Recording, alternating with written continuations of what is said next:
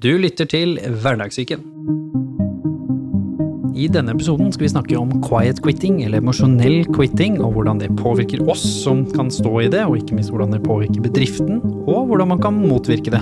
Og du skal være så heldig å få møte Jon Morten, som har holdt over 1000 foredrag og 200 workshops om denne tematikken, og ikke minst skrevet et par bøker. Så her er det bare å glede seg. Velkommen tilbake til Hverdagssyken, og velkommen for første gang til deg. Tusen takk. Nå skal vi inn i denne flotte nye eventserien vår, eller episodeserien vår, hvor vi kaller det Dypdykk, hvor vi da har én gjest, noen ganger kanskje også to, men da vi skal litt oftere ha én gjest, hvor vi skal grave oss ned i et tema. Så, men før det, hvem er du? Ja, det er jo et filosofisk spørsmål, det. Hvem er du? Um, jeg er uh, utdannet siviløkonom. Jeg har faktisk et grunnfag i psykologi som en del av utdannelsen min da. Jeg har også jobbet som standup-komiker, så miksen av siviløkonom og komiker er vel kanskje grunnen til at jeg sitter her nå, fordi jeg for ca. 20 år siden begynte å eh, holde foredrag og skrive bøker om betydningen av humor og begeistring på jobben. Og begeistring på jobben er det motsatte av noe av det vi skal snakke om i dag, nemlig quiet quitting, eller silent quitting. Så dette er mitt, det er siviløkonomen og komikeren som møtes eh, og ser på betydningen av humor. Humor er veldig underkommunisert i arbeidslivet. Det er veldig få virksomheter som har et systematisk fokus på humor på jobben. Man snakker om det på julebord og sommerfester, men i hverdagen er det veldig sjelden sånn.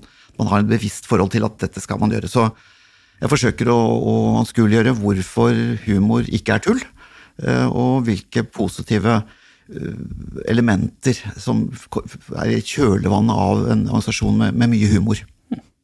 Så har vi allerede snakket litt om at du er barn av 70-tallet, så vi har på en måte kanskje kommet fram til at det kan være en av grunnene til at du har vært litt ekstra på dette. For du sa at det var en tid som er litt underkommunisert, hvor man, eh, man var litt ekstra glad og sprudlende. Kan du fortelle litt om hvorfor 70-tallet kanskje er en del av eh, brikken her? Så, som du sier, litt, litt, underkommunisert, fordi man hadde en ungdomsrevolusjon på slutten av 60-tallet, den såkalte 68-generasjonen, som var veldig kraftig. Woodstock og veldig kraftig uttrykk, mye dop, mye det var fri sex. 70-tallet, da ble det mer normaliteten, at man kunne være ung. Fordi før 70-tallet så var uh, unge mennesker var egentlig bare kopier av sine foreldre. De gikk i de samme klærne som foreldrene sine og hadde mye de samme meningene. De hørte kanskje på Elvis Presley og sånne ting, men, men, men 70-tallet, da ble det lov å være ung. Det, det, var, det, ble en egen ungdomskultur som man kunne leve ut på en helt annen måte da. Og vi som vokste opp da, vi er veldig glad for at vi fikk med oss det eh, årtiet der. Og det betydde ganske mye også både politisk og på ulike områder. Det var mye mer terroraksjoner på 70-tallet f.eks. enn det har vært de siste 10-15 årene. Eh, man hadde en veldig radikalisering, eh, som også var et utløp av den frihetstankegangen og ytringsfriheten. Men med AKP-ML, som skulle ha væpna revolusjon.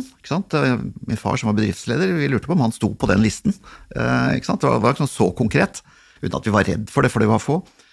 Men det var fargerik, et fargerikt tiår eh, som kanskje har druknet litt. Vi har ikke hørt så mye om det. Så jeg liksom dykket litt, eh, litt nærmere i, i, for å forstå min egen ungdom også, og min egen utvikling. Hm. Og Det leder til spørsmålet om hvordan var det du fikk det for deg at du skulle studere siviløkonomi, og hvordan Så ta oss med fram til reisen til hva som starta for 20 år siden. Jeg tror det var så utrolig banalt som at min far var bedriftsleder, og jeg var eldste sønn, og jeg litt ubevisst gikk i hans fotspor. Og jeg oppdaget raskt at dette var ikke noe gøy i det hele tatt, det studiet. Så jeg brukte heller de fem årene på å ha det gøy. Startet opp studenteruker, satt i diverse utvalg. Og har en svært middelmådig eksamen, eh, men har en tittel. Og med veldig mange akademiske utdannelser så er det jo akkurat det konkrete du lærer, med unntak av hvis du skal være lege, da må du vite at den blodåren går akkurat der. Men det er, det er, noe med en, en, slags sånn logisk, rasjonell tenkemåte, en akademisk angrepsmåte på problemstillinger, som man får med seg. Um, så jeg er veldig glad for at jeg, at jeg har en, en, en, sånn hva skal jeg si, formell bakgrunn. Og syns det var mye kjedelig man kunne gjøre som siviløkonom, og det var det, og er det etter min mening. Men uh, det jo ikke hvordan man personlig er bygget. Men jeg begynte i reklamebransjen, og jobbet der i, i fire år. Så uh, jobbet jeg for et engelsk headhunterfirma i to år. Og så ble jeg direktør på Norsk Opera, var en vikar der, fordi han som var direktør, han ble syk og døde etter hvert. Eh, så var det en litt stor hatt å ha på seg, få en organisasjon med 500 medarbeidere og 1000 frilansere og 200 millioner i budsjett som du skulle sette opp i løpet av to uker. Men det var lærerikt. Så fikk jeg tilbud om å gå inn i det som da het Radio 1, som var den første og største kommersielle radiostasjonen i Norge. Det var akkurat da reklamen kom inn, så vi kunne betale folk for å gjøre jobben. Tidligere var det bare frivillig, men da kunne faktisk sette litt krav, eh, og folk kunne yte mer. De måtte ikke kjøre taxi hele natta for å sitte og hilse rush på radioen dagen etterpå. De kunne faktisk eh, ha anledning til å bruke kreftene på en, på en profesjonell måte. Så det var en veldig spennende, spennende reise. Så jeg jobbet eh, det kraftigste fallet jeg har hatt, altså fra liksom, reklamebransjen og altså, Norsk Opera er vel på topp, også Radio 1. Men jeg har også vært daglig leder for Mot i brøstet. Den humorscenen dere stadig ser repriser av på TV 2. Så det er vel det kraftigste fallet jeg har i norsk kulturliv, tror jeg. Men eh, så begynte jeg da også som, jobbe som standup-komiker. Eh, en av de tingene jeg fikk med meg i studietiden, det var at jeg eh, erkjente vel at jeg hadde visse humoristiske avleiringer i mitt sinn. At jeg hadde en, en, ja, noen humoristiske egenskaper som jeg fikk utviklet veldig mye i studietiden og som jeg tok tak i igjen på slutten av 90-tallet som, som standup-komiker. Hva fikk deg til å gjøre det? Det hørtes jo på en måte ikke ut som en naturlig ting å gjøre. Så, men... det, det, lå vel som en slags eh, tankesett hele veien. Jeg vurderte da jeg sluttet på Handelshøyskolen om jeg skulle heller gå den andre veien, altså innenfor skuespiller, kreativ side, og turte ikke det. Men eh, da, 20 år senere, så, så jobbet jeg som, eh, som konferansier for, eh, for, Latter, eller Standup Norge, da, som det heter. Og fikk utviklet litt kunnskap, for det er, det er også et fagområde, det å skrive og fremføre standup. Og lærte en del om det. Og så holdt jeg da et foredrag om betydningen av humor på jobben. Hvor jeg koblet da hva skal jeg si, min ja, bakgrunn fra økonomi, ledelsessiden, med da de humoristiske elementene. Og det slo til ganske bra, og i 2003 så skrev jeg da den boken som heter 'Latterlig lønnsomt', som eh, god venn av meg, Trond Haugen. For ingen hadde laget en bok om, om, om betydningen av humor på jobben tidligere. Og vi intervjuet en rekke virksomheter, eh, store og små, for å høre hvorfor og hvordan de brukte humor, og hadde et bevisst forhold til det, og, og de, hvilke resultater de fikk ut av det organisasjonsmessig kulturelt, psykisk, mentalt. Så, um, og dette har det fortsatt med. Jeg skrev videre en bok om begeistring. De fem elementene som skaper begeistring hos alle medarbeidere. Uansett hva vi jobber med, uansett hvilke virksomheter vi driver, uansett hvilken stilling vi har. Og så skrev vi da på basis av det en bok om hva de lure lederne gjør. De som er flinke til å skape gode resultater sammen med og gjennom sine medarbeidere. Eh, så skrev vi en bok om hva de gode skolene gjør, hva de gode sykehusene gjør, og vi skrev også en bok om et tema jeg egentlig ikke er interessert i, nemlig fotball for uh, fire år siden. Men jeg har lurt på hvorfor tar fotballstyrer mye, mye dårligere beslutninger enn alle andre virksomheter i hele verden? Det er helt underlig hvor dårlige beslutninger de tar. De sparker trener, de vet det virker ikke. Å sparke en trener virker ikke, det blir ikke bedre av det. Å bytte trener, for det tar fire-fem år å bygge en kultur. For de som har fulgt uh, Klopp i Liverpool og hans tidligere, han har hatt seks-syv år i hver, hver klubb. Da får du resultater. Men det gjøres mye rart i disse fotballklubbene, så i fire år så reiste vi rundt, snakket med nøkkelpersoner innenfor norsk fotball for å forsøke å, å, forstå hvorfor tar de så dårlige beslutninger, hvorfor er de så kortsiktige, hvorfor lar de emosjonene styre, på bekostning av klubbens resultater, faktisk. Og hvorfor heier media og supporterne også på beslutninger som er til, ikke er til det beste for klubben. Så denne boken om, handler om hvordan, hvorfor det skjer, og hva man kan gjøre for å unngå at det skal skje. Ble du mer engasjert eller mindre engasjert i fotballen etter å ha vært med på de åra der? Jeg må vel si at mot min vilje så ble jeg litt mer interessert i fotball. Jeg så ikke helt den komme, men jeg er nok litt mer interessert nå. Det er enda godt. Han forsto meg, å slippe folk ordentlig inn. Følelser inneholder egentlig flere komponenter. Vi har det jo best når vi klarer å fungere godt sammen med andre mennesker. Dette er Hverdagssyken, podkasten hvor vi sammen med fageksperter og mennesker med levd erfaring tar for oss de tabubelagte temaene og psykisk helse i hverdagen. Men øh, vi skal jo som sagt snakke om eh, quiet quitting, eller eh, at man emosjonelt slutter, hvis man skal kalle det det.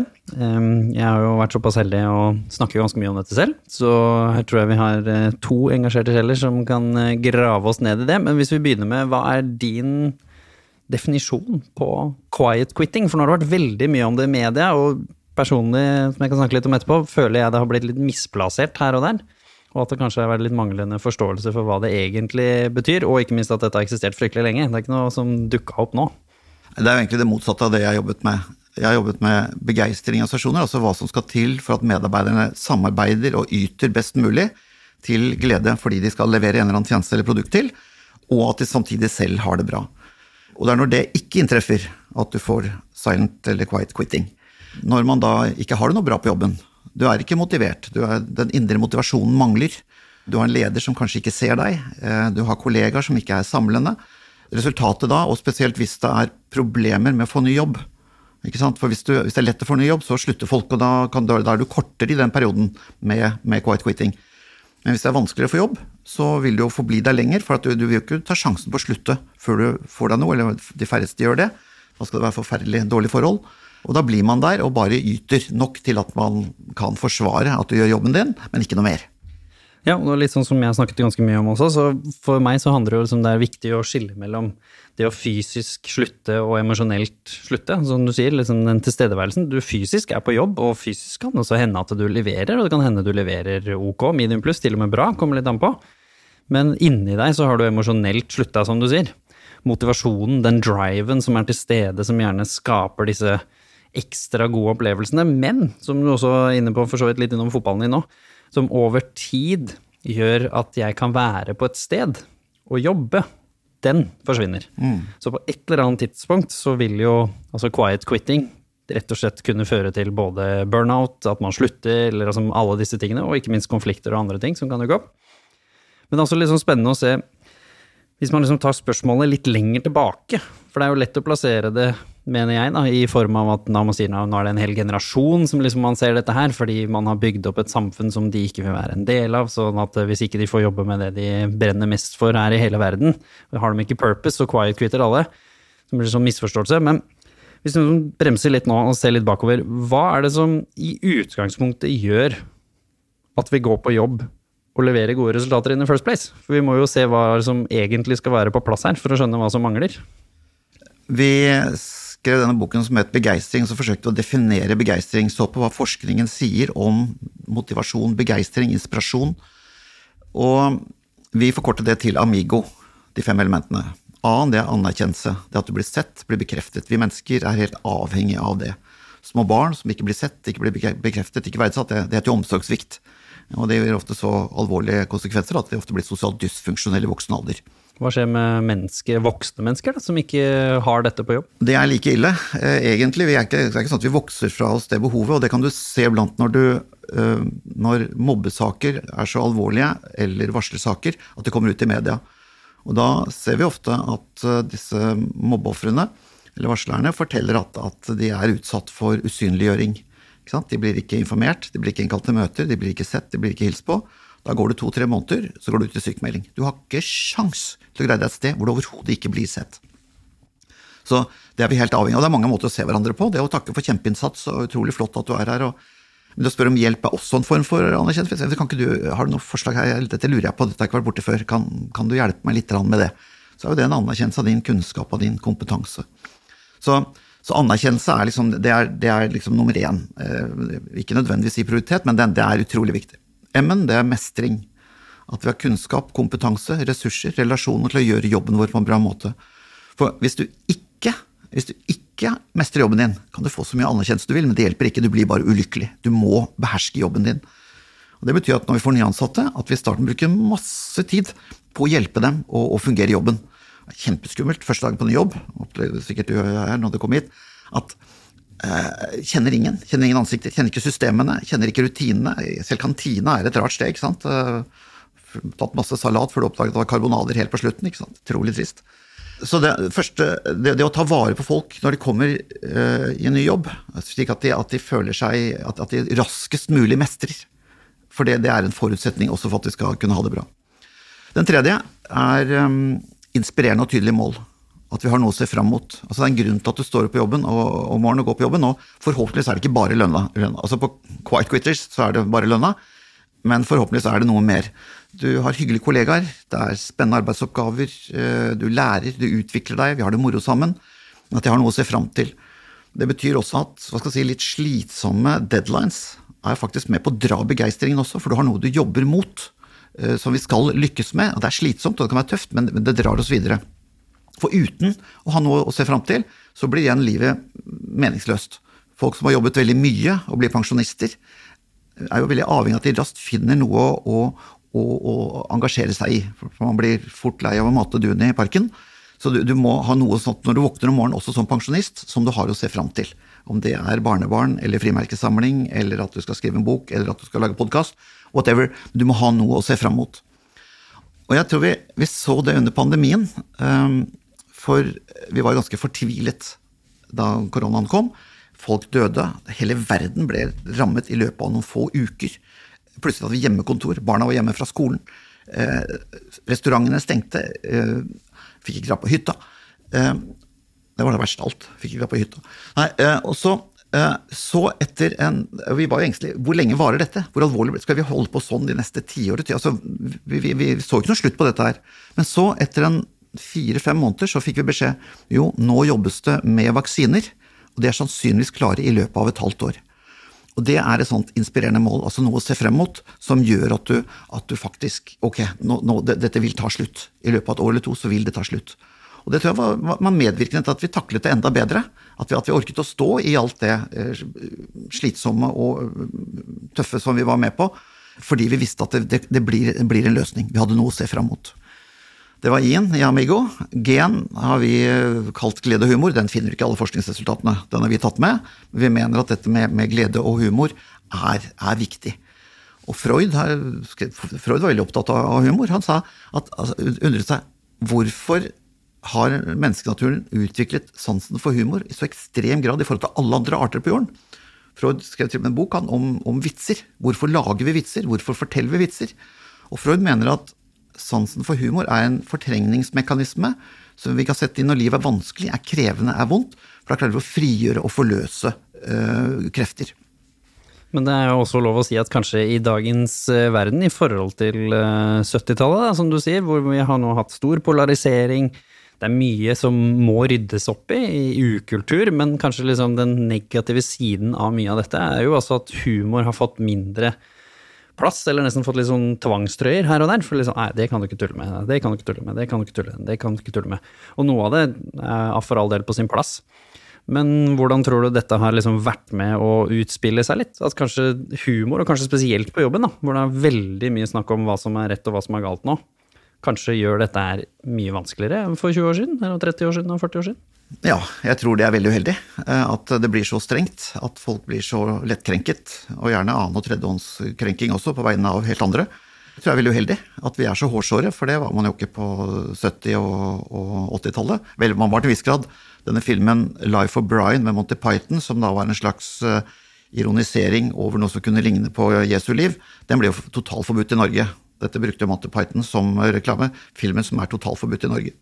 Så klart, Det var en viss strenghet på religiøse temaer, men eh, det er, klart, det er veldig mye i dag at folk er engstelige for hva de gjør. Eh, at komikere skal være forsiktige.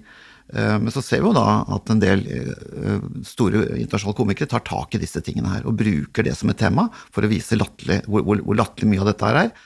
Og så er det selvsagt, Man skal ha respekt for altså, rasisme.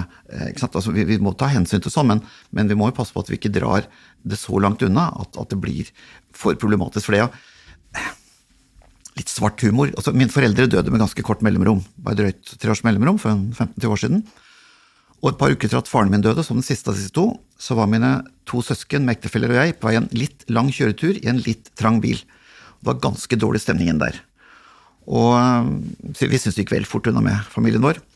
Men det er en stund også sier broren min, som har ganske velutviklet sans for humor.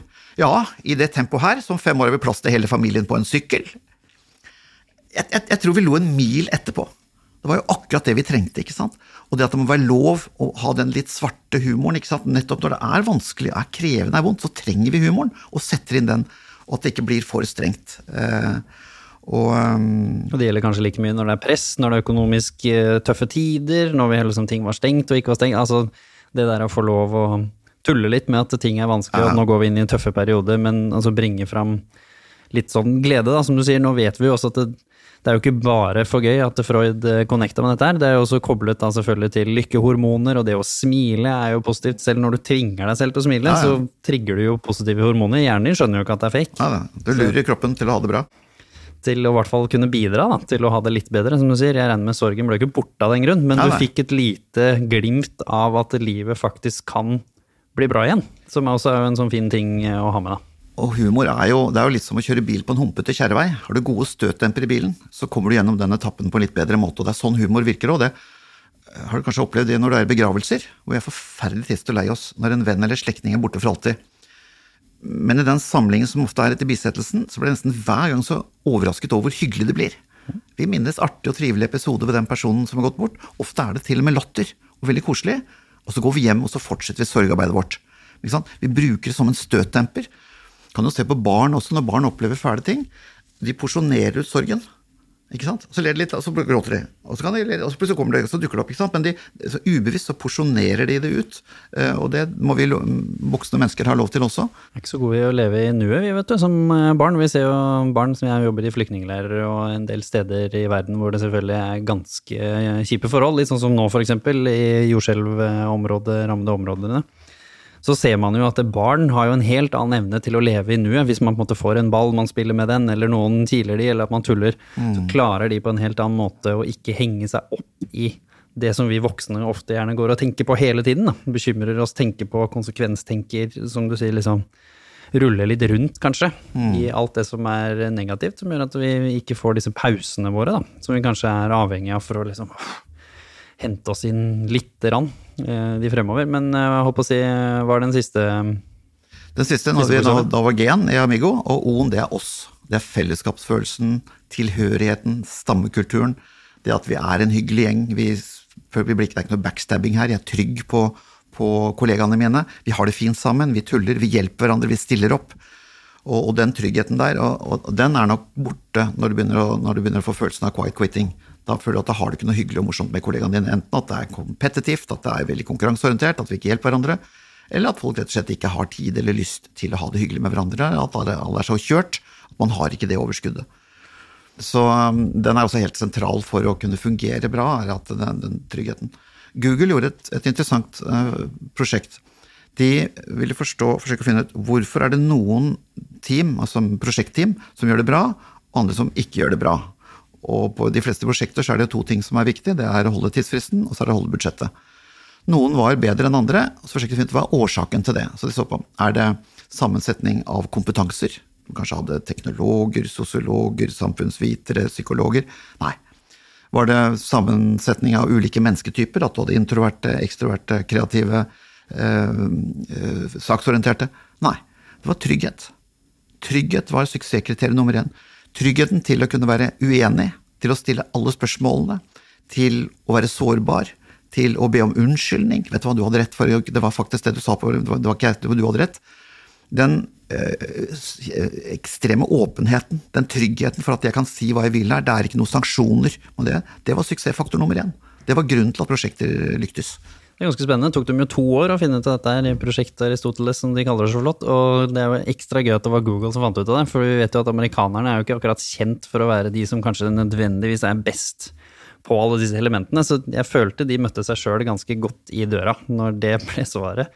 Man har jo sett liksom den uttalelsen også som, som står, da, at det er liksom det å ha muligheten og rom til å ha følelser og behov møtt og dekket. Det var jo ikke det de trodde de skulle finne. Nei, det, det var jo ikke det. Men nå skal det sies, Google har vært veldig flinke på veldig mye. Altså disse, da disse gründerne trakk seg tilbake og fikk en ny eh, CEO, da, eller administrerende direktør, så så han at det var veldig mye sånne kosedyr og bilder og sånt på pultene til folk. da, De hadde i åpent landskap, men de hadde faste pulter. altså Fikk rydda unna alt sammen da, eh, en kveld. Folk kasta det i søppelsekker og fikk rent, så her skulle det være klint. Og da kom en av gründerne tilbake og sa at vet du hva, sånn skal vi det, må ikke gjøre. Sett det tilbake med en gang. Så det skal være hyggelig, være, vi skal være personlig på arbeidsplassen din. Google har en veldig bra HR-avdeling. De har laget et eget forskningsprosjekt på å finne ut hva er den optimale, den beste størrelsen på kantinebordet. Den riktige størrelsen, for Er det for stort, så blir det for mange. Da får vi ikke noen hyggelige samtaler. Blir det for lite, blir det for få, eller vi roter med tipsson. Den riktige størrelsen på kantinebordene, slik at vi gleder oss til gode samtaler under lunsjen. Og når du ser lokalen deres, eh, Zürich-kontoret har jo sklie ned til kantina, ikke sant? Jeg vet ikke om de er redd for lavt blodsukker eller hva det er. Men altså, de, de, de gjør ganske mye, for at de er jo et av verdens største selskaper, og de er jo livredd for at folk skal slutte, som de fleste er. Men de blir angrepet av spekkhoggere fra hele verden som prøver å ta flinke folk, ikke sant. Og de gjør veldig mye på det ikke-faglige området for å sørge for at folk skal ha det bra på jobben og, og fungere bra. Men alt dette her roter jo ned i liksom kjernedrivkraften i oss mennesker, da. Som er jo, du var inne på det i stad, motivasjon. Altså Uansett hvem av disse amigoene du tar med deg på jobb, så er det jo fordi at det trigger et eller annet i deg som gjør at jeg har lyst til å gjøre noe annet enn å bare være hjemme, eller å ligge i senga, eller å jobbe et annet sted. Så når vi liksom gravde litt ekstra ned i motivasjonen også, da, så har vi jo vært innom mange av dem, da, som du sier, men liksom den ytre motivasjonen som gjerne veldig mange har, til og med de som quiet quitter, så lønna. Det er det som er belønningen min, det er derfor jeg jobber her. Slutter jeg, så mister jeg hus, leilighet, vet ikke om jeg får ny jobb, ikke sant, som du sier. Men også selvfølgelig da den indre motivasjonen, som kanskje er den litt sterkere her, som er jo helt fraværende for de som er i quiet quitting som du sier, at det er spennende arbeidsoppgaver i seg selv. Jeg faktisk gleder meg. Jeg, det er nesten så jeg ikke får sove i går kveld, fordi jeg drev og tenkte på hvordan jeg skulle fikse dette foredraget, eller forberede meg til podkasten, eller levere et eller annet i dag for sjefen min, f.eks. Men også selvfølgelig den andre type indre motivasjonen, som handlet om, som du sier, da, blir sett, anerkjennelsen, følelsen av mestring, men også skulle gå på kurs, da, eller hva det skal være. Eller når Magnus, som sitter og lytter i bakgrunnen her, internen vår, kommer og tenker i dag skal jeg få lære noe av eh, spennende gjester, så har man jo en eller annen drivkraft som ikke er knytta til noe annet han får fysisk. Da. Og så selvfølgelig den prososiale motivasjonen som uh, dukket opp her. Den kom ikke i går, den heller, men den har på en måte vært relativt ny da, de siste 20 årene i hvert fall.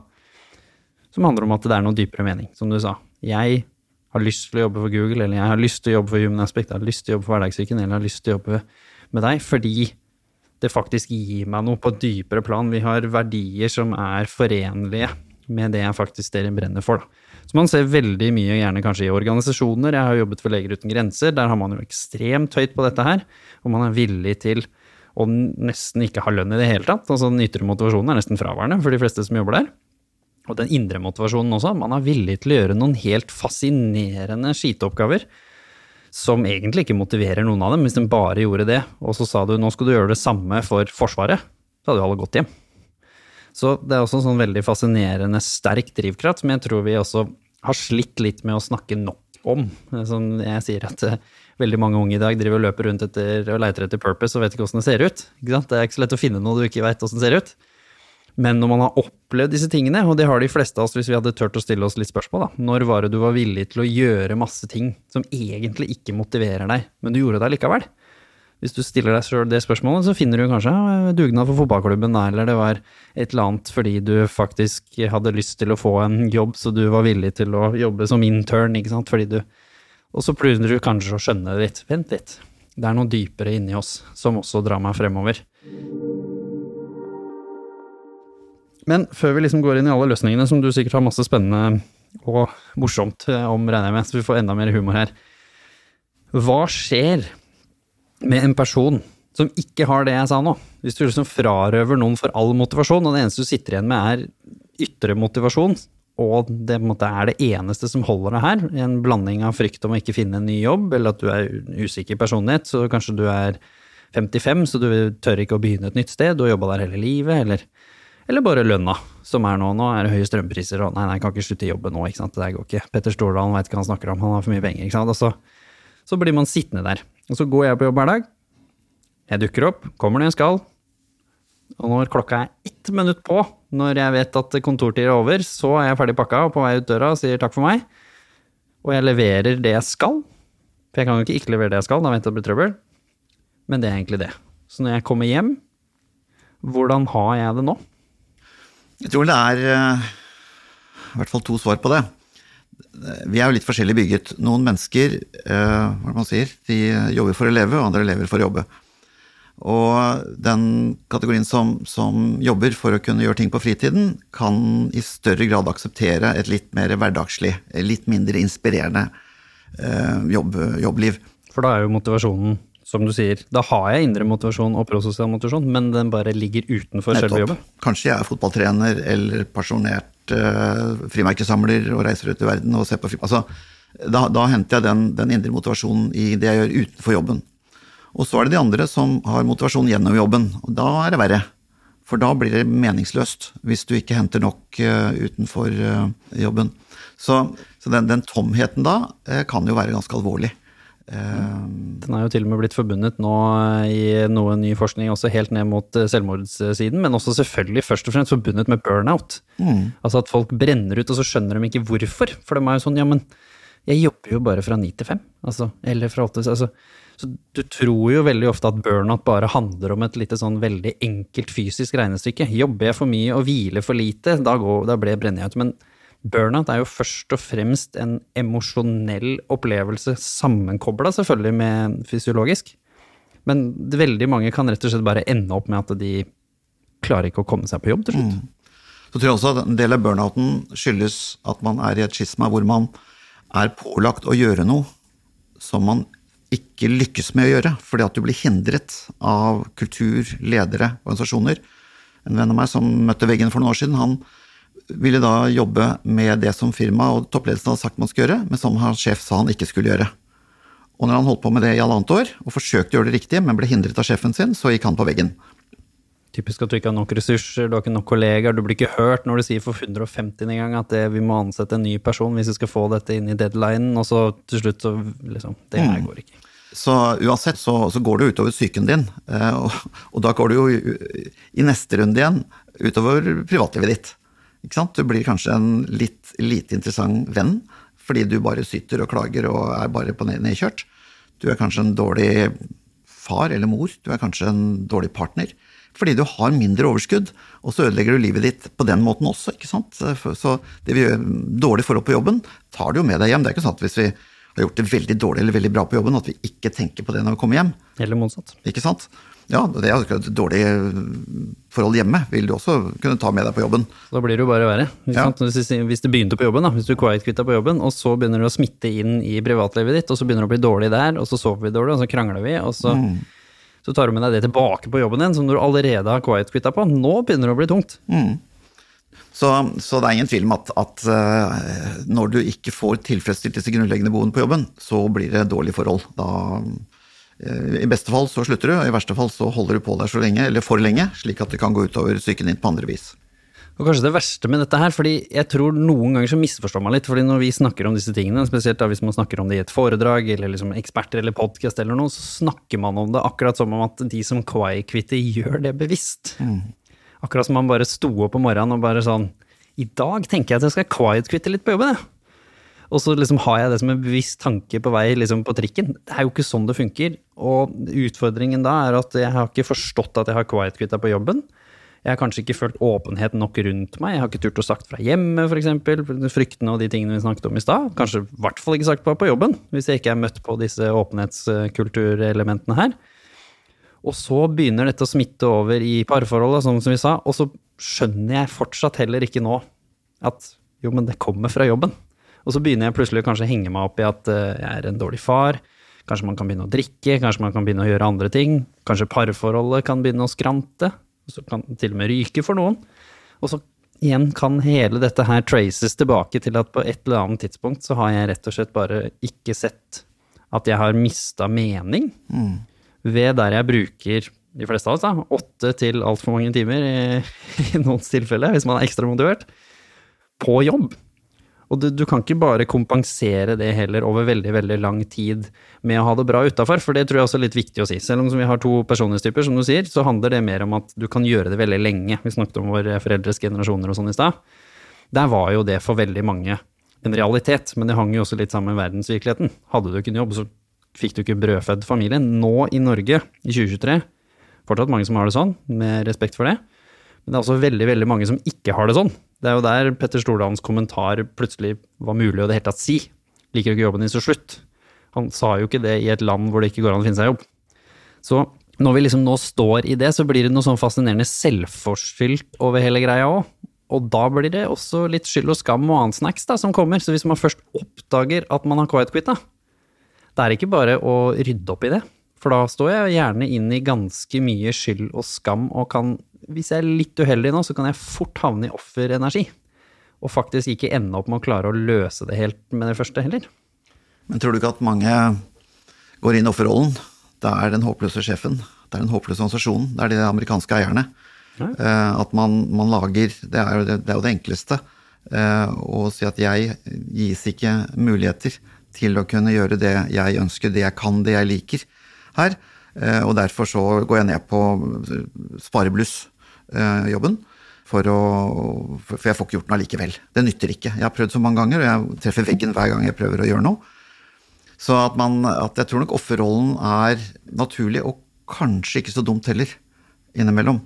For, å, for det er, hvis, det, hvis det er nytteløst, hvis man har, du eller andre på jobben har forsøkt å si ifra, forsøkt, og det hjelper ikke, så, så, er det kanskje heller greit at man sier det er noe andres skyld, istedenfor at du begynner med selvforakt.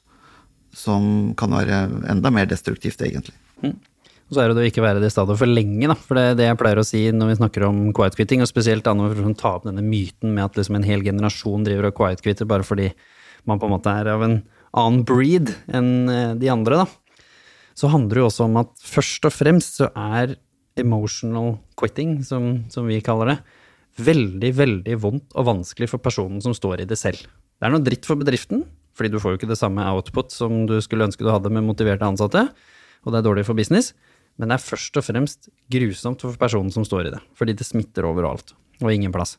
Så når man da står i dette her, og om du er personligheten som på en måte klarer å legge liksom litt mer konkret konstruktiv skyld andre steder, og kanskje bruke det til motivasjon til å finne noe annet å holde på med, eller om det faktisk mye av det roter litt i deg selv, at du kanskje ikke har tatt de mulighetene som har kommet, og sitter litt fast. Kanskje frykt har hindret deg å tørre å søke på muligheter oppover i organisasjonen, eller motsatt. Veldig mange som tok den muligheten, ja selvfølgelig skal du være leder, nå har du vært her i 20 år.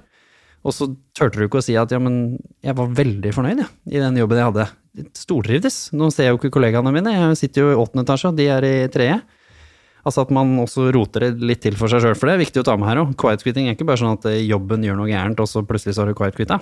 Det kan være begge sider. Ja, At du har gjort dårlige valg, eller valg som for deg på lang sikt ikke var riktig. Ja, som har fratatt deg mening, for mm. resultatet er jo det samme.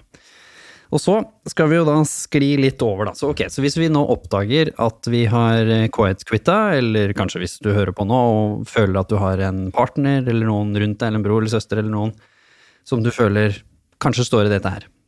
Hva gjør vi nå, hvis vi liksom kanskje har oppdaget dette? Jeg uh, har nå studert virksomheter i 20 år. Har intervjuet 50 virksomheter i disse bøkene våre. Og uh, svaret på at en organisasjon lykkes, er god ledelse. Og gode ledere uh, Vi har da litt Eh, tabloid sagt at hva kjennetegner god leder? Det er det som kalles transformasjonsledelse innenfor lederteorien. Transaksjonsledelse det er den gammeldagse lederen i industrisamfunnet som jeg betaler deg lønn mot at du gir meg eh, arbeidskraft. Transformasjonslederen jobber mye mer involvering, utvikling av, av forholdet mellom arbeidstaker og arbeidsgiver. Vi har sagt se, bli sett, involver er på en måte stikkordene for en god, god leder. Eller begeistringsleder, som vi har kalt det, for det høres litt morsommere ut enn transformasjonsleder. Uh, se medarbeiderne, du må vite hvem de er, du må kjenne dem, fordi du er annerledes enn Magnus, Magnus er annerledes enn meg, og vi motiveres av ulike ting. Det betyr at vi skal ikke behandles på samme måte, vi skal behandles individuelt. Det er situasjonsbestemt ledelse. Man må være forskjellig ledelse til forskjellige mennesker. Riktig. Og Også person, person.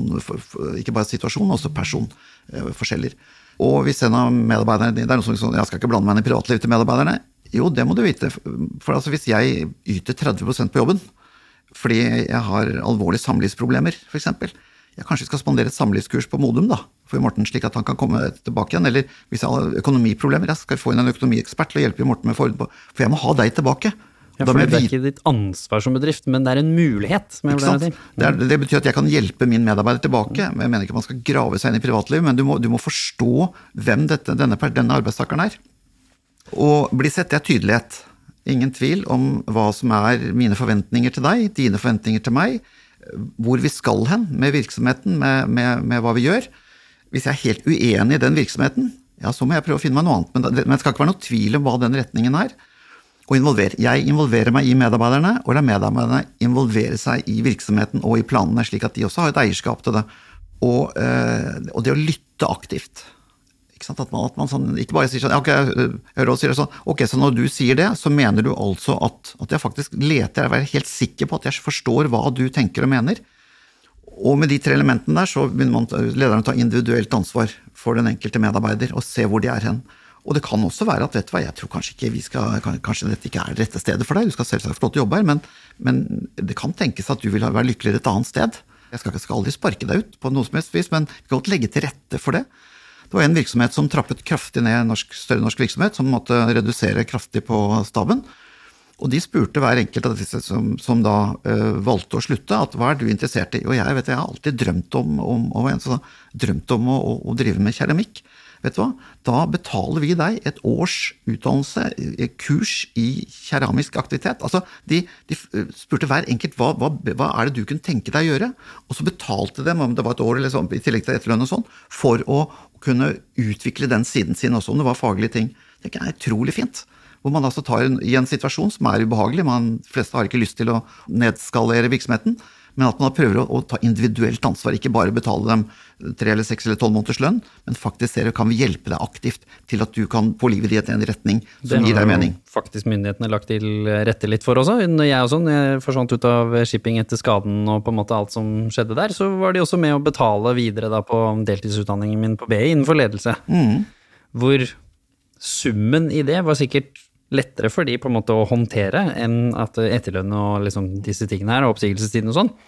Men jeg følte jo jeg fikk mer glede i meg av at de sier ja til det, enn om lønna var det eller det, eller så mange måneder eller så mange måneder. Fordi det på en måte ga meg ikke like mye, for det er bare noen sånn fjerne tall. Mens den etterutdanningen, som du sa, den var jo min. Det var jo det jeg ba om. Mm. Og det føltes også ut som det ikke var bare sånn standard, da. Ikke sant? At du liksom ja, her, gratulerer med dagen, ok, du skal videre, her er pakka.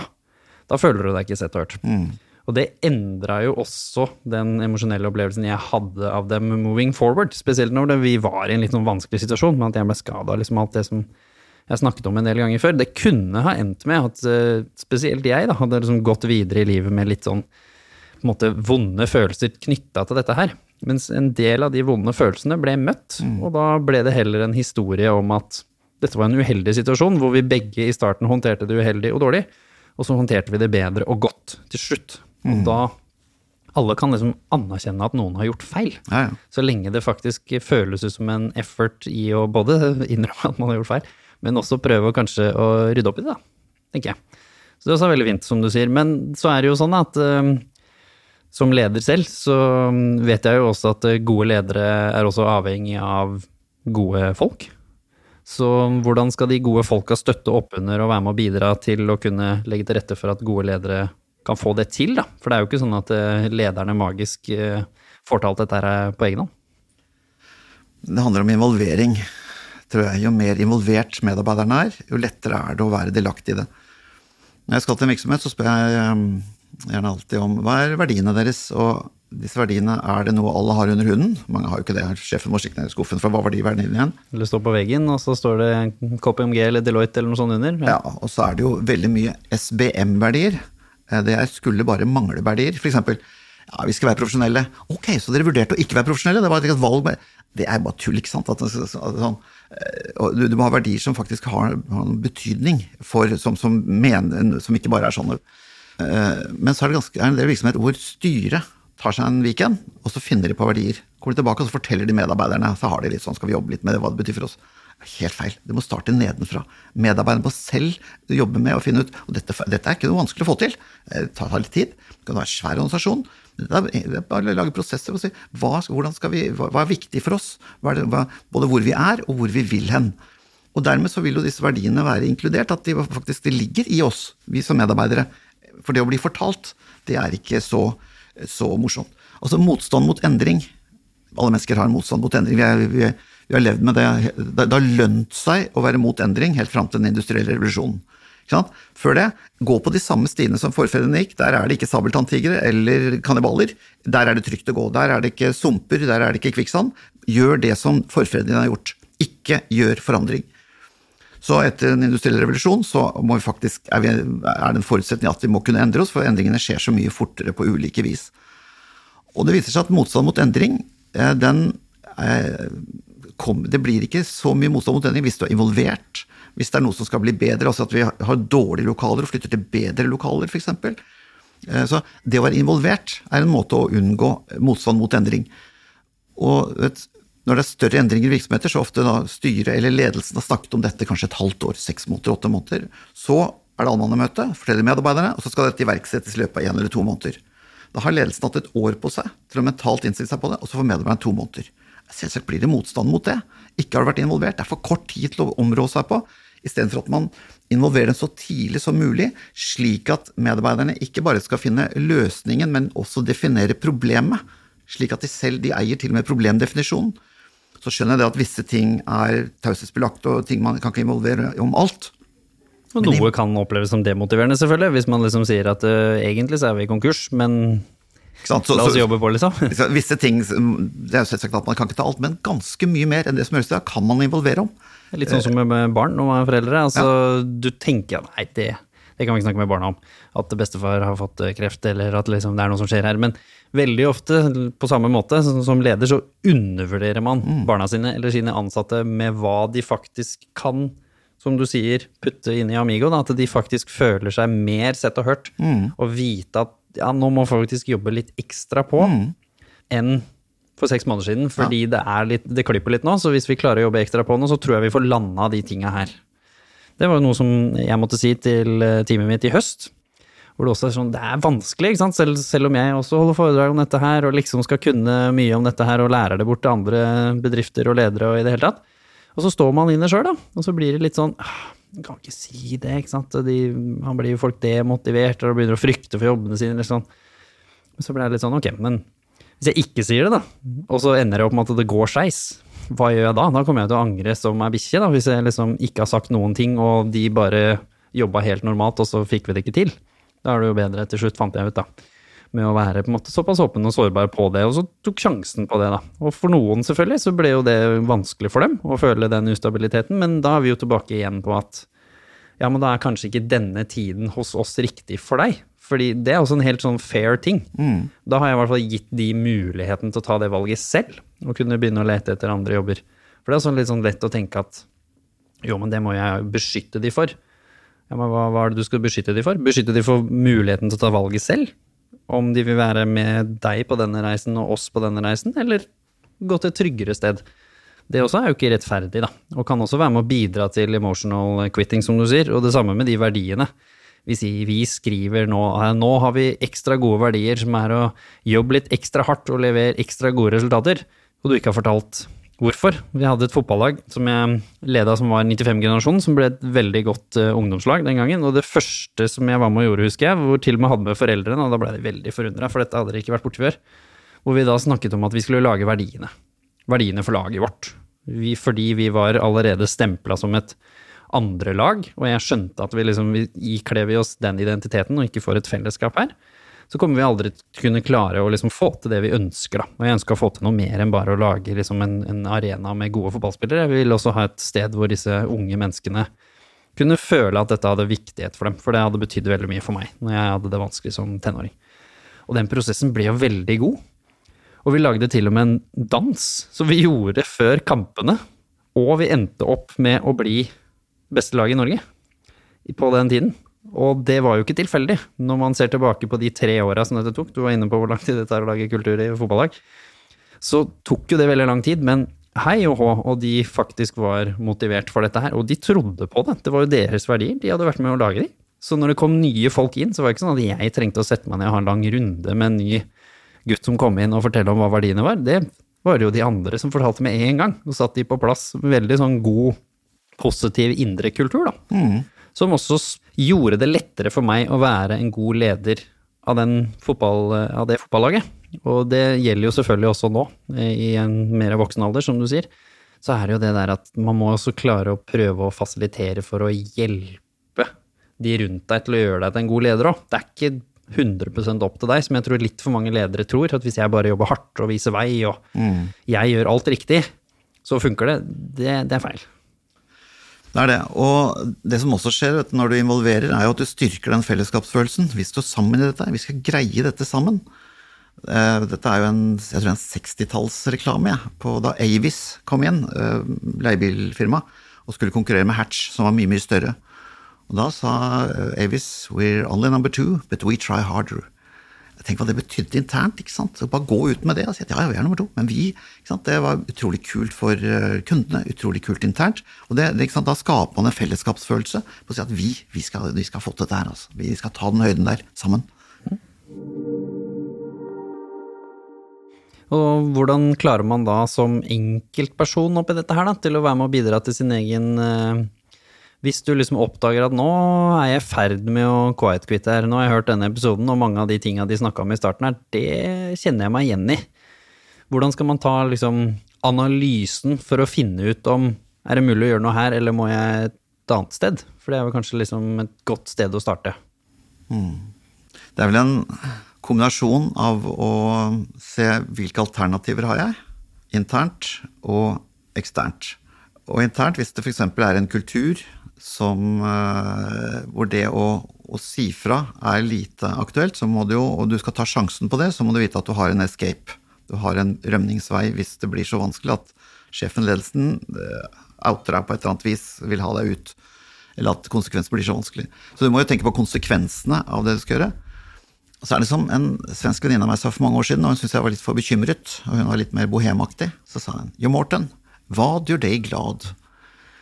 Og det var et utrolig kult og utrolig vanskelig filosofisk spørsmål. Og virkelig tenke til hva gjør meg glad i livet mitt?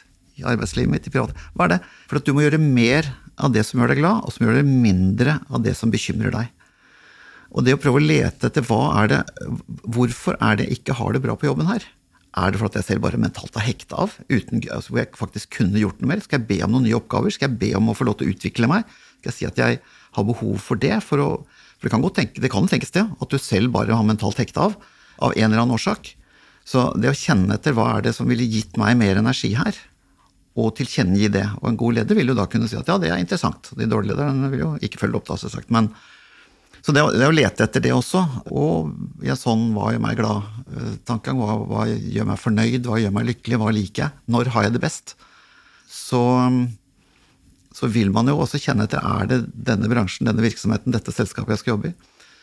Jeg har en workshop med virksomheter, så med alle medarbeiderne så pleier jeg å starte med å si dere, nå tar vi tre minutter, tre og tre sammen, så skal dere sette opp de tre tingene som dere føler gir skikkelig energi og begeistring i arbeidshverdagen. Altså når du går hjem fra jobben sier 'i dag, det var en veldig bra dag', eller 'nå har vi det fint', eller det kan være faglig, det kan være internt, det kan være eksternt, det kan være sosialt. Ingen, det er ikke noe riktig og galt svar her. Men de aller, aller fleste, når jeg går gjennom etterpå, de sier at ja, det er hyggelige kollegaer. Ja, det er når jeg blir sett av kollegaene mine. Ja, det er der, når vi tuller og tøyser litt ved kaffen om morgenen. Det er hyggelige kollegaer. Det er, nesten alltid relasjoner. Nesten alltid relasjoner som, som kommer er top of mind i dette her. Så, og, og så sier hun ja, det er når vi har, har hatt en skikkelig utfordring og løser det sammen. Veldig mange legger til sammen det er at man løser det, men når vi klarer å gjøre det sammen som et team og en gjeng, så er det en utrolig energi når vi sammen liksom high five, dette gikk bra. Og dermed så er det jo, eh, tror jeg på jobben, at relasjonene er bra mellom medarbeiderne. Og det er igjen kultur, eh, en kultursak, som igjen ligger på ledelsen. Og, og, og finne ut hvordan skal vi få løst dette hvis det er dårlig kultur. Da må vi lage prosesser for å, å, å se hva kan vi, hvordan kan vi rette opp i det. Så jeg legger jo, jeg legger jo veldig, når jeg jobber veldig mye med ledergrupper, så jeg beklager at jeg skal legge litt ekstra tyngde til skuldrene dine, men, men det er dere. Det er dere som er vitale her. Det er dere som bestemmer hvor denne virksomheten går, i veldig stor grad. Og de kan klage over medarbeiderne, og de kan ha en gode og dårlige medarbeidere, men i bunn og grunn så er det dere som bestemmer hvordan denne organisasjonen kan lykkes og ikke lykkes.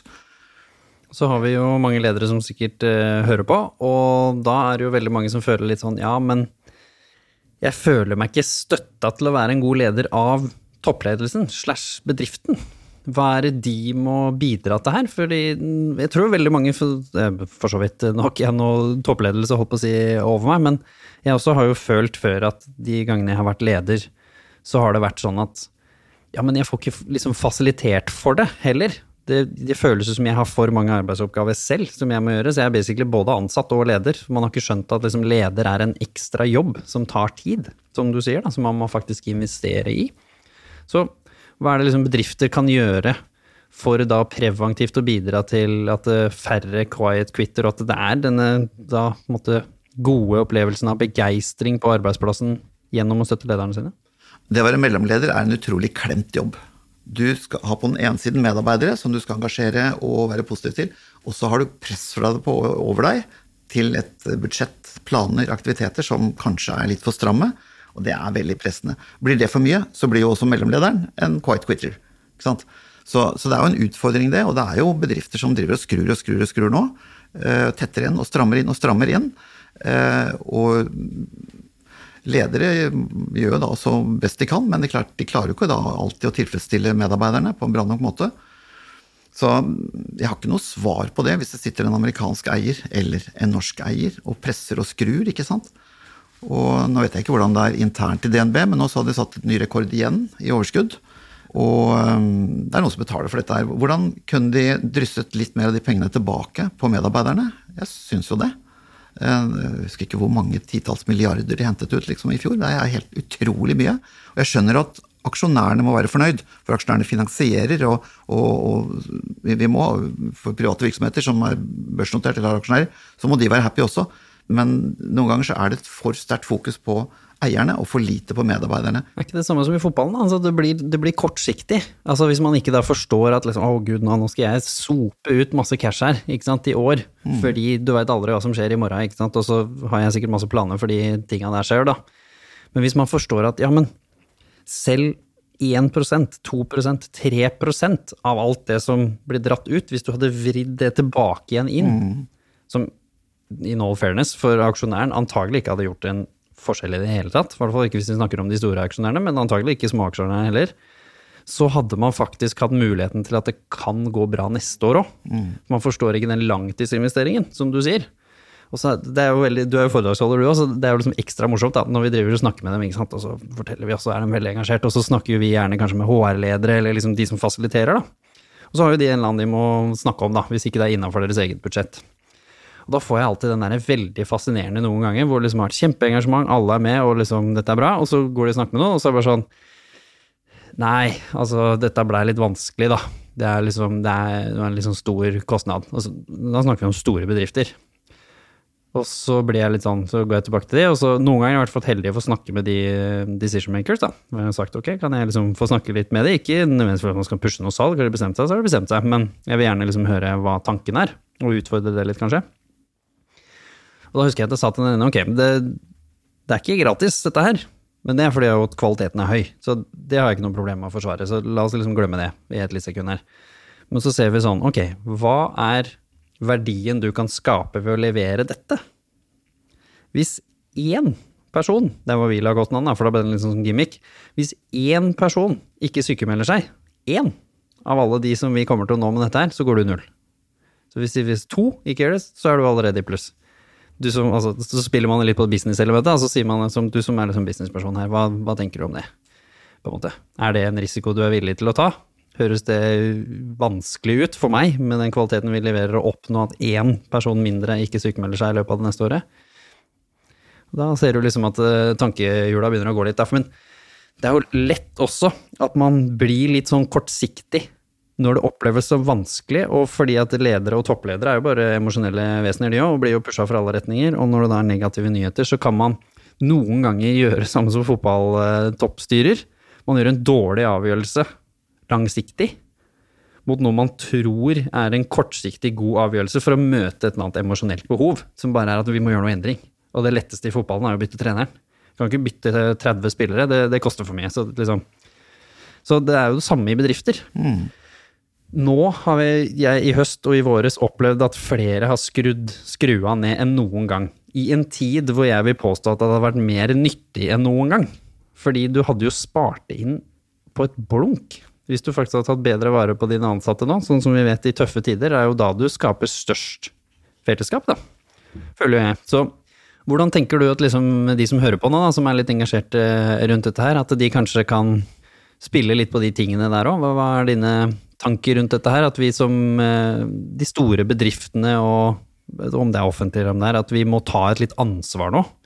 At de lure avgjørelsene som er å spare litt eh, short term, kanskje ikke hjelper samfunnet i en ganske tøff tid vi antagelig kommer til å stå i nå? helt eh, riktig. Jeg og min medforfatter Morten Eriksen Denhoff i den boken vår som heter Sykt bra, hvor jeg intervjuet en rekke eh, sykehus, så snakket vi bl.a. med lederen ved kirurgisk klinikk på mm, Lovisenberg sykehus. Og han forteller at han ved å ta vare på organisasjonen sin, han har 400-500 mennesker under seg i årsverk, ved å, å De får kake, de får dra på seminarer, de får gjøre hyggelige ting. Det jeg sparer i redusert turnover og redusert sykefravær, er mye mer enn den derre 5 %-kuttet som helseforetaket krever at jeg skal skjære ned. For jeg, kan, jeg, kan, jeg sparer mer, jeg. Hvis de ikke kutter sånn eh, ostehøvel, men at jeg får lov til å bruke eh, de ressursene på medarbeiderne. fordi da blir det mindre sykefravær. Det blir mindre turnover, det er de store kostnadene innenfor helsevesenet, pluss vikar, øh, vikarbruk. Nå er det noe med at de skal ha sykehus på områder hvor fagpersoner ikke ønsker å dra, for at de ønsker å ha et større miljø, så de ønsker ikke å være den eneste kirurgen på det sykehuset, men det er en annen sak. Så, så det er det, Og det ene er, som du sier, å redusere sykefravær og turnover. Jeg tar et ord om turnover. Hvis du regner på hva det koster for en virksomhet når en medarbeider slutter, til du har fått en ny en som er velfungerende, så regner vi ca. 1 million kroner. Litt mindre for lavere lønninger, litt mer for middels og høye lønninger. Men det er ca. 1 million kroner koster det, for at idet en medarbeider starter med kanskje quiet quitting, begynner å fase ut, skal slutte, så yter vedkommende sannsynligvis litt mindre. Så skal du bruke masse interne ressurser på å, noe rent økonomisk for å annonsere. Så skal du gjøre intervjuer som tar mye tid. Kanskje hyre inn eksterne som skal hjelpe deg å gjøre intervjuer. Så skal du ansette en ny person som bruker et halvt år kanskje på å komme inn. I tillegg til hva skal si, det sosialt urolige når du mister én person, og det kommer en annen person inn. Du skal for, forholde deg til en annen person med andre måter å være på, andre sosiale. Du skal få vedkommende inn i den organisasjonen, den tryggheten og nærheten som skal bygges opp der. Én million kroner koster det. Hvis du får hver medarbeider til å bli ett år lenger, så sparer du fryktelig mye penger. Både privat og offentlig sektor. Masse penger. Så de må ikke bli sånn forstokket organisasjon hvor ingen slutter, men allikevel. Og dette skjer ved å investere i medarbeiderne. I tillegg så skjer det noe annet, og det er omdømme. At du er kjent for å være denne legen som jeg snakker, overlegen, eller klinikksjefen, som jeg sagt til meg, han har jo kjempelett for å rekruttere mennesker, vet du. For det går rykter i bransjen. Han, ja, han er flink, det er bra sted å jobbe. ikke sant? Så du, du, du sørger for at, at, folk har lyst til å jobbe der. Du rekrutterer mennesker. Det blir positive elementer eh, rundt, eller forhold til virksomheten. Og du så vel det samme i da, den begeistringen også, med andre bedrifter, som du sier. at Du regner med du så det der òg. De som hadde rykte for å være et begeistrende, positivt sted å jobbe. Det var lettere fordi de fikk de store talentene. Og nå snakkes det veldig mye om konkurranse fra talentene, og de nye unge de bryr seg mer om De bryr seg jo enda mer om dette her enn de som var før. Ja. Og så er det jo en del unge som tar seg jobber i ganske slitne virksomheter. Svære internasjonale både konsulentselskaper og andre som kjører dem utrolig. Hvor de sier jeg skal bli her i to-tre år, lære. Og da har jeg fått på en måte det stempelet at jeg har jobbet der. Så det er noen som tåler å stå i driten i noen år. Men det er en investering, men de skal ikke bli der. De vil ikke få bli der, ikke sant. Så, det, så jeg tror du, det er mange, mange sideeffekter av å ta vare på organisasjonen, og jeg syns det er så rart at ikke flere forstår det. Og, og de store selskapene, som du sier, når du, når du kanskje har flere tusen ansatte, at du ikke skjønner hva turnover og sykefravær koster. At, at de ikke har regnet på det og ser hva, hva er alternativet. Men for, fortsatt er det jeg synes det er forbausende lav forståelse om, om, hva god ledelse og begeistrede, engasjerte organisasjoner hva det betyr for både arbeidet som utføres, kvaliteten og mengden av arbeid, og hva det gjør for organisasjonen på sikt i forhold til omdømme og rekruttering. Og ikke minst samfunnet, som vi sa. For det har du begeistrede medansatte og medarbeidere, så tar jo de det med seg hjem. Da blir du en bedre pappa, du blir en bedre mamma, du blir en bedre bror og søster, du har overskudd til å bidra til dugnad til fotballaget ditt. Altså, dette er jo en fantastisk smitteeffekt, så jeg mener jo også at dette er et samfunnsansvar. Enda mer for de store bedriftene som vi har i Norge, for de kan jo faktisk levere dette i tusentall. Mm. Og da er det kanskje greit at de som også er jo medborgere av det samme samfunnet, disse investorene, får bitte litt mindre. Og jeg mener jo også at det burde være ganske enkelt å argumentere også. For da kan du jo si at ja, men da kan det hende du kan få utbytte de neste 50 åra også. Og kanskje større. Kanskje større utbytte. Jeg må jo si, jeg engasjerte meg litt i det som skjedde for et par-tre uker siden med denne eldre, såkalte eldrekrisen, først og fremst i Oslo, men også andre steder. Og dette er elendig ledelse elendig ledelse. Nå måtte helsebyråden i Oslo måtte, eller valgte, han sa vel selv at han måtte gå.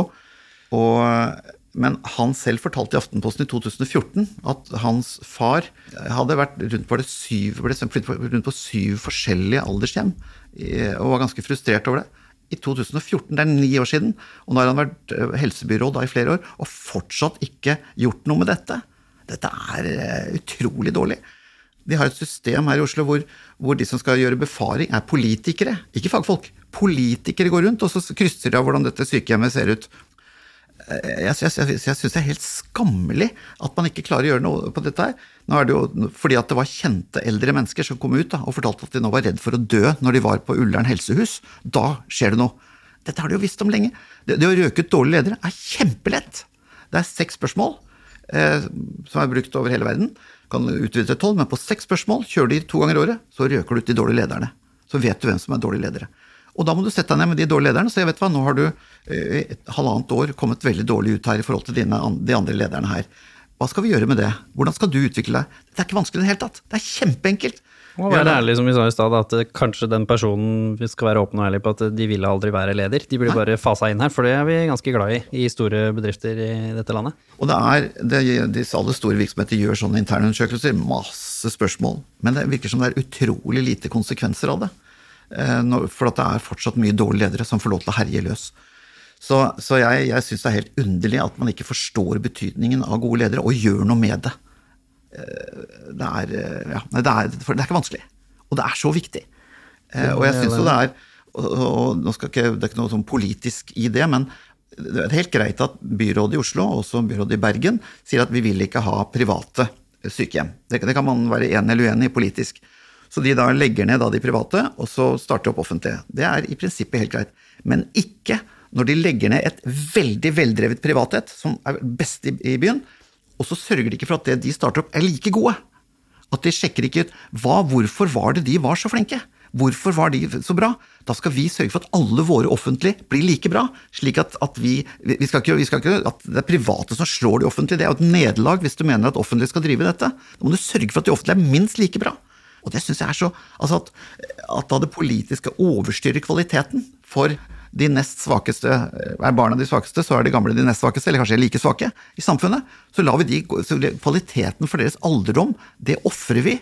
For at vi bryr oss ikke så mye om kvaliteten. Syns jeg er helt skammelig. At, og heldigvis er det mange som syns det nå, da, etter at det kom opp her. Men Bergen har akkurat de samme problemene med at gode private sykehjem er blitt erstatta av dårlige. Eh, som, som eh, Jeg tror vi kan se på det som et generelt problem, både i det og i helsevern og i psykisk helsevern, ikke minst, og i det hele tatt. Så dette er vel et gjennomgående problem som liksom syrer kanskje mye i det samme, da. Kanskje det er masse politikere som har quiet-quitta for lengst, og som er der av feil årsaker og i det hele tatt. Så mye av problemene kan kanskje rote i, i det samme. Hvis vi skal eh, runde av med et lite tips om hvordan kan humor være en viktig del av dette, for å faktisk eh, skape en arbeidsplass med mer begeistring? Jeg tror det er viktig å skille mellom sunn og usunn humor. Den usunne humoren det er ironien, satiren, sarkasmen og parodien. Det er der hvor vi ler av andre. Komikere skal bruke dette, for det er hvordan de små tar de store der, hvor harlekinen på en måte har kunnet få lov til å herje med, med øvrigheta. Og så er det mange som bruker litt sarkasme og ironi med kollegaene, men da skal vi kjenne hverandre godt. For vi har alle noen områder vi er litt mer, mer følsomme på, og andre som er helt ålreite å fleipe med. Det må vi vite før vi bruker den litt sånn harde humoren som eh, dette er. De fleste av oss er jo sånn, altså Vinnerne av eh, sånn sarkasme og ironi og sånn, det er jo de som er verbalt sterke eller sitter på makt. De fleste av oss er jo når vi legger oss om kvelden og tenker sånn Det skulle jeg svart! Men det er jo syv timer siden nå, så det er kanskje ikke så mye vits i. Den sunne humoren, det er eh, komikken, galgenhumoren, selvironien. Da ler vi med hverandre. Og i en stadig mer globalisert verden, hvor vi jobber mer enn noensinne med mennesker med andre bakgrunner, andre kulturer, andre verdier, så er selvironi alltid trygt. Alltid trygt. Når du møter mennesker du ikke kjenner, så er selvironi trygt. Og galgenhumor brukt riktig i eh, vanskelige situasjoner er også veldig veldig bra. Det er en måte å punktere en, en sånn litt sånn vond byll på, på en bra måte. Og det skal, skal, lite, altså det skal, så lite til å skape litt, eh, litt, sånn farve i hverdagen. Det er så utrolig mye hyggelig man kan finne på eh, på jobben og i andre sammenhenger for å, å, å skape det lille smilet.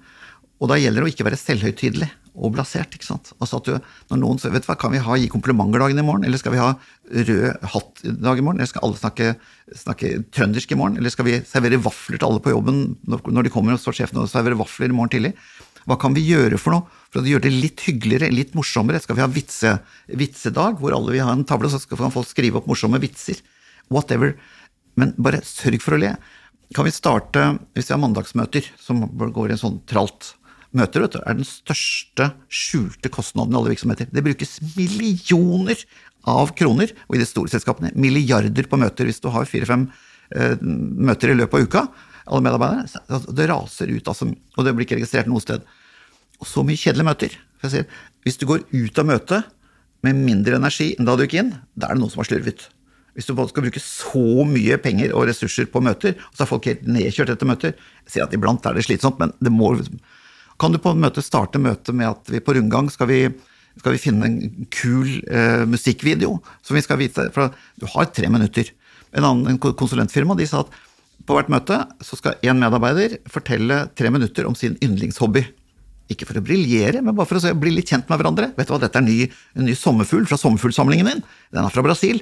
ikke sant? Eller jeg har lært meg å spille Stairway to Heaven på gitar. Men gjøre små ting som skaper litt farve. Det er ikke mye som skal til. Eh, kan vi vise en morsom eh, humorvideo, en TikTok-video? Vet du hva jeg fant i helga? Den der, den er altså så morsom.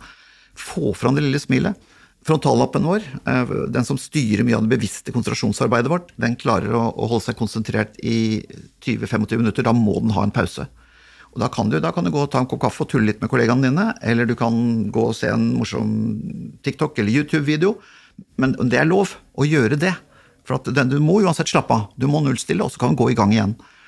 Og det å ha en kultur som gjør at det er lov å ha morsomme ting. Jeg skal var borte i en organisasjon, så hadde de med, med, med, satt opp litt sånne morsomme bilder, feriebilder og sånn på dørene sine. Kom, fikk den ny leder? Ja, få bort det der, jeg skal ikke se sånn ut her. Tenkte jeg, Har du ikke skjønt noen ting? Han var da redd for hvordan det skulle virke da på kunder, ikke sant. Vi jobbet med gamle Statoil, det som er Equinor nå. Så lagde vi, eh, Jeg hadde et eh, humor på jobben-prosjekt sammen med dem. Så lagde vi Bad Taste-dag. Eh, halvparten av de 140 medarbeiderne kom på jobb. Det så ut som en gjeng uteliggere hadde invadert hovedkontoret og distriktskontoren til, til Statoil.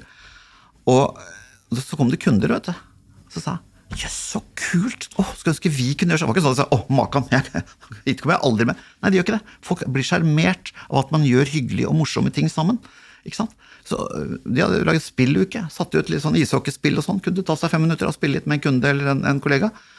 Gjøre små ting som fargelegger. Jeg har gjort 200 workshops med ulike med medarbeidere. Så jeg, nå, nå tar vi en idédugnad på en halvtime hvordan skape mer humor og begeistring på jobben hos oss? Og det bobler av ideer. Jeg lager ordentlige idédugnader, ofte til ledelsens frustrasjon, som sier at her er det ingen budsjettrestriksjoner, her er det ingen verdier å ta hensyn til, selv norsk lov kan vi ta litt lett på i den idédugnaden her. Og det spruter av ideer. Og da, så lager vi en liten plan. Hva kan vi gjøre et par-tre ganger i måneden? Så gjør vi hyggelige små ting. Ikke sånn, Det kan være sånn toga-party med overnatting. Vi skal, små, sjarmerende ting som skaper litt farve, tilpasset organisasjonen og virksomheten. Kjempelett! Koster ingenting. Det koster ingenting. Og så har man det litt gøy i, løpet av måneden også. Tar ikke noe arbeidstid heller. Så det skal lite til. Og så er jeg opptatt av at sjefer behøver ikke å være morsomme. Det er veldig individuelt hvordan vi er, hvordan sansen for humor er utviklet hos den enkelte. Det kan man ikke forlange. Men det må tillate humoren å blomstre på jobben. Tillate at medarbeideren finner på noe hyggelig. Har du en humørspreder, ta godt vare på han eller henne. De gjør en kjempe-HR-jobb. Ikke sant? For de kan, kan også avmagnetisere den der vanskelige greia når de kommer med den morsomme lille replikken i den vanskelige situasjonen. Ta godt vare på dem. Et par ganger i løpet av de 20 årene jeg holdt på med dette, her, så har jeg møtt sånne ledere som sier ja, vi må jo passe på at det ikke blir for morsomt på jobben, da. Altså, det er vel ikke problemet. Jeg har aldri møtt noen som sier nei, den forråden min, der var det så morsomt at jeg sluttet. Det er ikke det som er problemet. Problemet er at vi er for stressa, at vi ikke tar oss tid vi, til å ha det moro. Det er det som er problemet. Så det skal utrolig lite til. Koster ikke noe penger. Og skape litt farve i, i hverdagen. Kjempeenkelt. Og så må vi sørge for mestringen, vi må sørge for å se hverandre, vi må sørge for, for at, vi, at, vi, har en god internkultur, vi må ha gode ting å se fram mot. Men gjøre de små tingene. Det er veldig lite som skal til for at vi har det gøy sammen. Og gøy sammen betyr igjen at vi tar bedre vare på hverandre, samarbeider bedre, fungerer bedre sammen. Fantastisk, det var herlig å ha deg her. Dette tror jeg kunne snakka med i flere uker, men da er vi ekstra engasjert i dette temaet begge to. Kjempegøy at dere tar opp disse tingene. Veldig viktig og veldig bra. Absolutt. Og ikke minst, tusen hjertelig takk til deg som hører på. De fleste som hører på, jobber jo et sted, eller har eh, på en, måte en deltidsjobb, eller ønske om å jobbe et sted. i det hele tatt. Dette er jo noe som treffer dere alle. og Husk å tørre å være litt sånn nysgjerrig overfor deg selv òg, fordi det med quiet quitting, som sagt, det er ubevisst, og det kan komme ganske snikende på. Så tør å spørre deg selv et par av disse kontrollspørsmålene for å ta en liten evaluering. Sånn, hvordan, hvordan har jeg det egentlig emosjonelt på jobben? Er jeg emosjonelt til stede og emosjonelt investert? Eller er det faktisk områder som jeg kan jobbe med, eller som bedriften kan jobbe med, eller i en kombinasjon? Eller er det kanskje på tide at jeg bytter arbeidsplass? For det er også en investering i ditt eget liv, tenker jeg, både med fysisk og psykisk helse, spesielt long term. Så eh, send oss gjerne litt gode forslag til hvordan du kanskje bruker humor på jobben, og kanskje lykkes med noen av disse tingene, sånn at andre kan ta del i den kunnskapen du har. Så skal vi ta en titt, vi òg. Kanskje vi tar med oss noen nye triks inn i møte med nye bedrifter. Og ikke minst, tusen hjertelig takk som engasjerer deg generelt og er med å spre og dele denne episoden. Og selvsagt takk til teamet som er med. Nå har vi Magnus i bakgrunnen her fra redaksjonen som sitter og følger med, så husk at det er mange mennesker som engasjerer seg for at du skal få hverdagssyken hjem i lomma di, og ha det som en del av eh, gleden i denne uka. Så ha en så sykt bra, som det står på boka her, dag som overhodet mulig, folkens.